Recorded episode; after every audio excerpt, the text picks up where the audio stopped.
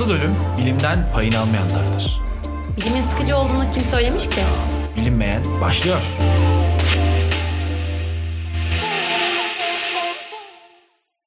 Evet, herkese selamlar. Alt F4 Podcast'in sunduğu Bilinmeyen'den tekrar herkese merhaba. Ee, uzun bir aradan sonra yine birlikteyiz. Ee, Aslında normal bir ara. evet, normal bir ara aslında. Yani- olabilir. Şimdi diğer podcast'e laf atmak gibi olmasın da boş boş işler değil bunlar sonuçta anladın mı? Bomboş işler. Aa, böyle yaparsan laf atmış olduk şu an. Yani laf atmak gibi olmasın ama biraz çalışmamız falan gerekiyor. Az da olsa bir şekilde. O yüzden Evet, sesinden de anlayacağınız üzere belki de Aynen. dinleyenlerin e, yanımda daimi konuğum Burak var. merhaba tekrar. Merhabalar demiş. Ee, evet biz bu podcast'te ne konuşacağız? Podcast'te aslında şu anda e, İstanbul'un da özellikle gündeminde olan e, deprem konusundan bahsetmek istedik. Evet biz ikimiz de inşaat mühendisi olarak ve ben de hala, Özellikle Burak ha- hala resmiyette deprem mühendisiyim. deprem 88 devam aynen öyle. Ee, olması koşuluyla, şartıyla, Şartıyla. durumunda bağdaştır hakim değilim. İngilizce'de böyleyiz. Deprem yapalım dedik. Evet o zaman aslında bir giriş yapalım ufaktan. Deprem nedir, fay hattı nedir bunlardan bahsederek. Bekliyorum. Ben şöyle ufaktan giriyorum. Hazır mısın? Dünya üzerindeki bütün e, tektonik aktivitelerin tek nedeni dünyanın erimiş bir ateş topu gibi olması. Bunu da e, şöyle açıklayabiliriz. Şimdi e, biz bunu hissetmiyoruz tabii hani dünya ateş topu gibi. Bunu hissetmiyoruz ama dünyanın katmanlarına baktığımızda aslında işte çekirdek, manto, kabuk falan gibi katmanlarına baktığımızda e, dünyanın dış katmanı içerisinde dahil olduğu bir kabuk kısmı var. Fakat hani e, bu katı görünümdeki kabuk kısmı bizi aldatmasın. Çünkü bu gerçekten çok ince bir tabaka diğer kısımlara göre e, kıyasladığımızda. E, bu kabuk tabakası okyanusların altında 5-10 metre oluyor. E, bizim kıtaların altında ise yani bildiğimiz bu yaşadığımız, ayak bastığımız kıtaların altında ise e, 30 ve 50 kilometreye kadar devam ediyor. Fakat hani dünyanın e, yarı çapını düşündüğümüzde 6371 kilometreyi düşündüğümüzde bu dediğim gibi bu katı kısım, kabuk dediğimiz kısım e, çok e, küçük bir parça olarak e, nitelendirilebilir. İşte bu e, mantoda e, bulunan erik kısımdaki hareketler yüzünden aslında sıvı, neredeyse sıvı olan e, katı e, hareketinde bu kabuk üstünde yüzüyor aslında. Bize bu kabuk kısmı dediğimiz bu kısımda yüzüyor diyebiliriz biz. E, bu mantoda bulunan işte erik kısımdaki hareketler sonucu, konveksiyon akımları sonucu da e, kıtalar aslında birbirlerinden ayrılıyor. Farklı yönlere doğru hareket ediyorlar. E, örneğin bizim işte üzerinde bulunduğumuz Anadolu levhası e, Arabistan levhası ve Afrika levhaları tarafından e, ittiriliyor. Sürekli bir e, güç uygulanıyor bu levhalar Yani tarafından. üst üste binme, altına altına girme Aynen hatta falan. dağların oluşumu aslında falan filan gibi bu hareketler evet. sonucunda e, ortaya oluyor, çıkıyor. E, tabii belli bir süre boyunca bu Arap levhası e, işte dağların oluşması falan gibi sıra dağların oluşmasına neden olduktan sonra ne yapıyor aslında? Anadolu'yu batıya doğru ittirmeye başlıyor Anadolu'yu. Anadolu da bu sırada işte koparak batı yönde harekete kazanıyor ve e, 4 milyon yıldır, neredeyse 4 milyon yıldır süren bu hareket Anadolu'yu doğu batı yönde ikiye bölüyor ve işte biz bu e, kırık, bu sonucunda bu bölgede oluşan kırıkları aslında Kuzey Anadolu fay hattı diyoruz. Bu şeyleri hatırlıyorsundur. Pangea falan vardı tek kıta. Evet süper kıta. Aynen öyle. kıta. Başlangıçta Penge işte Onunla süper ilgili tartışmalar halinde. sürüyor ama yani e, deprem dersinde gördüğüm kadarıyla Pangea'ya karşı hipotezler de vardı yani. Ha, Hiçbir fikrim yok bu konuda. Ben de şu an hatırlamıyorum ama yani bizden çünkü ben de şey bunu yani biliyorum. böyle Genelde çok okullarda böyle hani bize Aynen. de işte süper kıtaydı bu hareketler sonucunda birbirine ayrıldı falan. Çünkü hani şartlar şöyle bir şey var. Birleştirince yine o haline dönüyor. Ya Yap şimdi- bozum parçaları gibi. Şimdi işte dışarıdan hani bizler cahil insanlar hani bilim insanlarını bir kenara bırakarak söylüyorum. Bizler cahil sıradan halk olarak baktığımız evet öyle görünüyor anladın mı? Evet. Ama e, bunun aksini ispatlayan bir sürü örnek de olduğu söyleniyor ama dediğim gibi şu an öyle bir hazırlıkta gelmediğimiz için sadece böyle bir araya bir şey araya bir Nefes, nefes, nefes al sakın. Düşündürelim yine burada. Ee, işte evet kısaca aslında deprem ve e, fay hattı dediğimiz e, şeyler bunlar. Bir de şimdi bu kırıklar İlginç bilgi var. Evet burada ilginç bir şey. Hepimizin kaplıca diyebiliriz. Aslında bu kırıklara bazen e, su doluyor. Bunlar çünkü boşluk olduğu için buralara su doluyor ve bu su e, magmanın olduğu sı- sıcak kayaçlara kadar ilerliyor ve burada ısındıktan sonra aslında e, demlikten fışkıran bir e, şey gibi fışkırıyor dışarıya ve biz bunları aslında kaplıca diyoruz. Ki aslında bu Kuzey Anadolu fay hattının takip eden e, kısma baktığımızda biz burada birçok kaplıca görüyoruz. İşte ör- örneğin Erzincan olsun, e, Bafra olsun. Buralarda e, kaplıcaları da rastlıyoruz. İşte ben bu aslında böyle biraz şeyleri yaptıktan sonra Ben sana bir soralım. Evet Burak'cığım deprem nedir, fay hattı nedir? Sen de bir bize Ben fayla başlayayım. Şimdi fay e, işte yer kabuğunu oluşturan levhaların hareketleri sonucu oluşan gerilmeler, sıkışmalar ve yer kabuğunun bazı bölümlerinde yüzyıllar boyunca enerji biriktiren bir şey.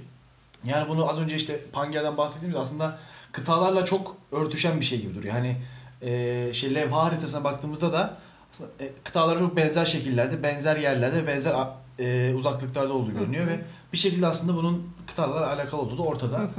Ee, işte bu biriken enerjiler de zaman zaman ortaya çıkıyor. Zaten buna birazdan e- e- e- deprem diyeceğiz. Aynı şey yer kabuğunda bu hareketli kesimde de fay deniyor. İşte az önce saydığım gibi işte Afrika'ydı, işte Hı hı. e, Avrasya'ydı vesaire bir sürü fay mevcut zaten. Hı hı. Hani şimdi depreme gelelim. Şimdi depremde biraz daha spesifik gireceğim. Türkiye'den örnek vereceğim. Şimdi Türkiye yılda 20 e, milimetre batıya ilerlemesi gerekiyor bu fay hareketlerine göre. Evet işte o Arabistan ve Afrika levhalarının ittirmesi. Evet Sonucunda. ama e, işte bu e, levhalar arasındaki e, ne denir? Faylardaki şeyler. Çıkıntıları diyorsun. Aynen. mi? Bunlar birbirine takılıyor aslında. Aynen çıkıntıların birbirine takılmasıyla doğru söylüyorsun. Evet. Çıkın, çıkıntıların birbirine, takılmasıyla beraber e, bizim e, üstünde bulunduğumuz fay hareket edemiyor. Evet yani yapması gereken hareketi Evet, yapmıyor. ve, Ve, işte işte yapamadığı zaman gerek bir şekilde işte çarpışarak altına üstüne girerek vesaire depremleri oluşturuyor. Burada az önce fayı anlatırken işte bu levhaların hareketlerine doğan enerji de aslında yeryüzüne bir şekilde ulaşmış Aynen yani oluyor. aslında orada enerji birikiyor. Yapması gereken hareketi yapmadığı için o enerjiyi biriktiriyor, biriktiriyor, biriktiriyor ve sonunda bu enerjiye dayanamadığında hareket meydana geliyor ve bunun sonucunda işte oluşan biz işte o sarsıntılara bizim hissettiğimiz şeylere deprem diyoruz aslında Aynen. kısaca.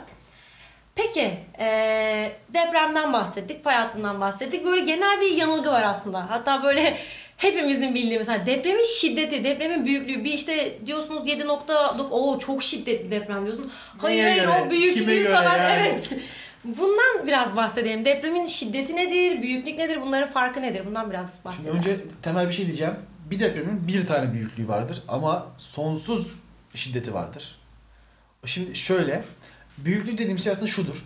Hani biz 6.2, 7.5 falan diyoruz ya bu büyüklüktür abi. Bu büyüklük hesaplanabilen, ortaya çıkan enerjiden ortaya çıkan bir şeydir.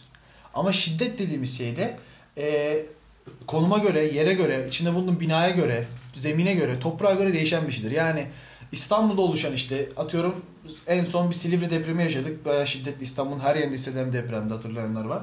O Silivri depreminde e, İstanbul özellikle Silivri'ye yakın kısımdakiler çok fazla hissederken ve hatta hani ölüyoruz diyenler oldu yani. Twitter'da gördüğüm ölüyoruz herhalde diyenler oldu. Ama biz işte Anadolu yakasında yaşayan insanlar bak hatta sen hiç hissetmemişsin. ben, Ben de hani ne oluyoruz dedim. Hani Muhtemelen arabada hareket halindeydim. Evet, evet, Hatırladığım kadarıyla. O evet. yüzden hiç evet. araba en az hissedilen yerdir depremde. Hani o yüzden şiddet böyle bir şeydir yani. Şiddetin hani e, depremin şiddeti 6.2'ymiş külliyen, yalan, Yalan. külliyen, saçmalık. Depremin büyüklüğü. Evet depremin büyüklüğü vardır. Magnitüt büyüklüğü vardır depremin. Evet aslında şiddet ve büyüklükten bahsettikten sonra şunu söyleyeyim. Şimdi insanlar sürekli diyor ki tamam bu depremler oluyor meydana geliyor ama hani biz bunu önceden bilsek de keşke önlemimizi alsak. Yani keşke bile bilsek. Acaba biz depremi önceden tahmin edebilir miyiz? Şimdi şöyle depremin büyüklüğü aslında faylar arasında biriken enerjiyle doğru orantılıdır. Yani oradaki enerji ne kadar fazlaysa bizim yeryüzüne oluşan enerji de haliyle o kadar fazla olacaktır. Şimdi bizim depremi öğrenmemiz için öncelikle oradaki enerjiyi bilmemiz gerekiyor. Şu andaki teknoloji o enerjiyi bilemiyoruz. Ama hani eğer bir gün orada biriken enerjiyi bir şekilde işte ısı ısıysa ısı enerjisi olarak işte hareketse hareket enerjisi olarak bunu ölçebilirsek bunu işte veya kıyaslayabilirsek hani şöyle kıyaslayabilirsek işte 6.2'deyken bakın şu kadar büyüklükte hani bunun e, e, e, nicel olmasına gerek yok yani bir e, kıyasla büyük işte daha büyük daha küçük de olabilir. Çünkü hiçbir şekilde ölçemiyoruz şu an. Bir şekilde böyle kıyaslayarak da bunu bir şekilde anlayabilirsek emin ol deprem önceden tahmin edebiliriz. Evet aslında bu Yani şöyle diyebiliriz işte Silivri'de çok yakın bir zamanda 6.5 ve üzeri bir şey bekleniyor diyebiliriz. Bu e, yani şu andaki o Şu anda da şey- deniyor şey- aslında. Ama işte şu anda televizyonda sallayanları geç yani. Hani onlar Evet. onlar Evet. sallıyorlar ç- hepsi. Hani Aslında- bazıları mantıklı bir şekilde sallıyor, bazıları haybeye sallıyorlar da mantıklı sallayanların da yani en fazla e, şey istatistik istatistiklere göre sallayabilirler. Evet geçmiş deprem tarihine Aynen. bakarak Çünkü aslında hani ya da işte enerjiye belli göre. ha, e, jeo e, Ya benim dediğim şey hani dolayı. şöyle işte 6 ay içinde tam şu noktada bak şurada bir enerji var. Kesin bir şekilde Evet, söyle. evet. Evet. O, o, o Bunu. biraz zor şu an. İşte enerjiyi eğer hesaplayabilirsek bir gün enerjiyi Tam şu gün şu saatte şurada deprem olacak e, diyebilmek. Evet. Kandili'den böyle bir şey duyuyoruz. Hadi İstanbul boşaltana kadar gerçi. Aynen öyle. Kaç milyon insan. E, peki bunlarla peki bize bunları kim söylüyor? Bu deprem bilimiyle kimler ilgileniyor? Bunlardan Şimdi bahsedelim. biraz. yıllardır e, Türkiye'de jeofizik mühendisleri bu işte çok fazla ilgileniyordu. Şimdi e, son yıllarda biraz inşaat mühendisleri de çünkü inşaat mühendisliği disiplinlerinin alt dallarının artmasıyla beraber inşaat mühendisleri de işte deprem mühendisliği veya işte yapı mühendisliği yüksek lisans dallarıyla ve doktora programlarıyla beraber deprem mühendisliği de biraz şey mesela işte Celal Şengör'ü falan görüyoruz. Sanırım jeoloji mühendisi oldu. İşte ya jeoloji ya jeofizik mühendisi ta- tam hatırlamıyorsam. Hani yıllardır hep jeolojiciler, jeofizikçi hatta maden mühendisleri falan bile konuşurdu. Hı hı. Yavaş yavaş geçen Habertürk'te olan programda mesela işte bizim işte okuldaki inşaat mühendisi olan deprem mühendisi hoca çıkmış mesela. Yavaş yavaş deprem mühendisleri de işte yetişip e, çıkmaya başlıyorlar. Yani e, bunun için deprem mühendisi yüksek lisansına ve, üstüne hatta belki doktorasına ihtiyaç var tabii. Anladım. Peki. Heh, ama tabii ki yani e, baktığımız zaman e, işte yer bilimciler, geoteknik mühendisi, geoteknikten kastımız zemin mühendisleri, yapı mühendisleri, mimarlar, makine mühendisleri, malzeme mühendisleri, elektrik ve elektronik, endüstri mühendisleri, çevre mühendisleri, kimya mühendisleri, müteahhitler, şantiye mühendisleri, sosyal bilimciler, ekonomistler, istatistikçiler Herkes ve vesaire iş grupları. Okudum hiç belli olmadı değil mi bunlar? İşte bunlar depremle aslında ilgileniyor. Deprem bilimi. Yani kısaca herkes ilgileniyor yani. Doktorlar bile ilgileniyor. Çünkü hayatımızın bir parçası Tabii, yani. doktorlar bile ilgileniyor. Yani o yüzden bu çok önemli bir konu. Endüstri mühendisliği mesela ne alakadar endüstri mühendisliği ama çok önemli endüstri mühendisliği. Ee, peki e, deprem oluyor, bitiyor tamam. E, fakat bundan sonra sürekli biz duyuyoruz yani artçılar ne, öncüller ne? E, bu konuda biraz e, bilgi verebilir misin? Şimdi bize? bu artçılar ve öncüler arasında bu deprem tahmini dedik ya yukarıda. Deprem tahmini kısmında halkı kandırmak için yapılan çok temel şeyler. Hani herhangi bir yerde deprem olduğu zaman hemen televizyona işte hoca denilen insanlar aslında hoca olmayan insanlar e, hocam hocam hocam diye soruluyor ya televizyonda bir şeyler. Aslında onlar çıkıyorlar işte artçılar oldu, öncüler oldu, artçı şöyle oldu, artçı böyleyse öncü şöyle olacak gibi saçma sapan hiçbir mantığa dayanmayan, asla bilinmesi imkansız olan şeylerle ilgili konuşuyorlar. Ve bir şekilde buradan kazanç elde ediyorlar kendileri anladın mı aslında? Halkı çok şey yapan bir şey. Şimdi ne olduğuna geçecek. Zaten hani isminden de anlaşılacağı gibi artçılar e, depremden sonra işte büyük bir deprem olduktan sonra olan depremler öncüllerde büyük bir deprem olmadan önce onun öncesindeki depremler oluyor. Yani büyüklüğü mü daha e, küçük? Evet daha küçük olan Şiddetli. öncesindeki ve evet büyüklüğü daha küçük olan öncesindeki ve sonrasındaki depremleri öncül ve artçıl diye aslında ifade ediyoruz. Ama dediğim gibi bunların herhangi bir bilimsel herhangi bir e, yani büyük depreme mesela öncül mesela o- 15 tane deprem oldu bir yerde burada büyük bir deprem olacağı anlamına gelmiyor. Yani bana inanmayan insanlar Kandil Hastanesi'nin biliyorsunuz e, son depremler diye bir zaten sayfası var bu ara çok popüler oldu. Oraya girip hani şöyle bakabilir. Hani özellikle Ege'de çok fazla oluyor bu aralar. E, e, Ege bölgesinde o kadar çok deprem oluyor ki sürekli 1.1, 2.1, 2.3. Geçenlerde yine. İstanbul'da oldu bu arada. Evet. 4 Hayır hayır ondan bahsetmiyorum. Buradaki hani aslında o belki de büyük depremde onun belki Evet, vardı anladın evet. mı? Şey değil hani önce 1, 2 Hı hı. falan öyle şeylerden bahsediyorum. Muhtemelen çünkü o o gelen şeyin en büyüğüydü. Evet en büyüğü. Hani baktığımız zaman bunun herhangi bir aritmetiğinin olmadığı çok ortada. Oraya baktığımızda zaten. Ve televizyonlarda dediğim gibi o tırnak içindeki hocalar çok fazla öncül geliyor, artçıl geldi, bir daha gelecek falan diye sürekli konuşuyorlar. Şu an tam oluyor şu anda. Evet şu anda bir yerde konuşuyorlar. Televizyonda herkes konuşuyor. Şimdi ben şeyden bahsedeyim. Ee, şimdi depremi şeyle bitirelim. Dünyadaki e, hani hem büyüklüğünü orantılı Hı hı. orantı e, orantılamamızla beraber en çok insan şey yaşamı kaybı yaşanan ve en çok maddi kayıp yaşanan depremleri şöyle bir listeledik aslında. Ondan Hı hı. bahsedeyim. Şimdi bildiğiniz gibi 99 Marmara depremi var. 7.4 büyüklüğünde oldu. E, 17 bin insan e, canı kaybedildi ve 5 milyar dolar maddi zarar sağladı. Şimdi buradan e, aslında İstanbul'a girmek isterdim ama bunu en sonunda söyleyelim istersen. Evet, Türkiye etkilerini. İstanbul'daki o özellikle Kuzey Anadolu fay hattındaki depremlerden bahsettikten sonra aslında. Aynen. O zaman işte 95 e, Kobe depremi var. Bu da bak yine deprem mühendisliğinde çok fazla konuş Kobe depremi, Kobe depremi, Kobe depremi diye konuştuğumuz bir depremdi. 6.9 büyüklüğünde 6000 kişi ölüyor. 200 milyar dolar. İnanılmaz bir para. Ee, 1994 North, Northrange depremi var. 6.7 büyüklüğünde yine 75 kişi ölüyor. Çok şanslı olmalısın.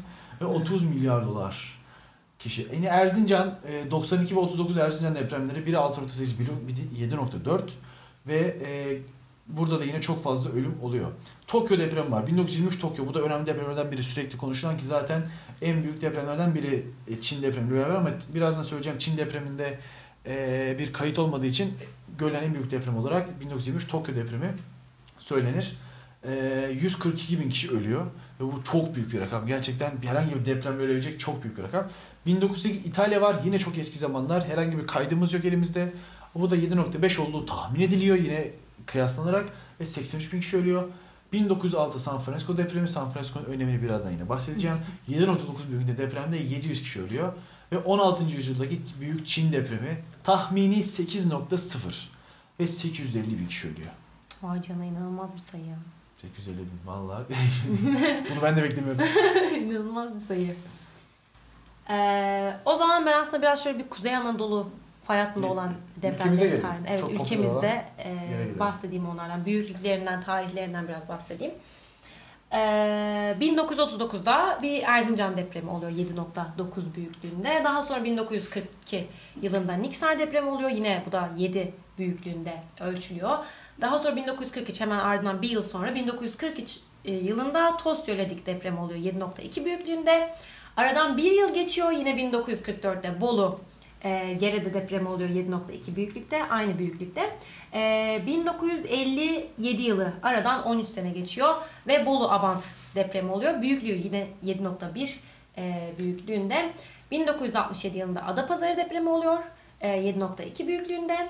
Ve e, yakınlarda işte 1999 yılında İzmit depremi oluyor. Bu da 7.4 büyüklüğünde.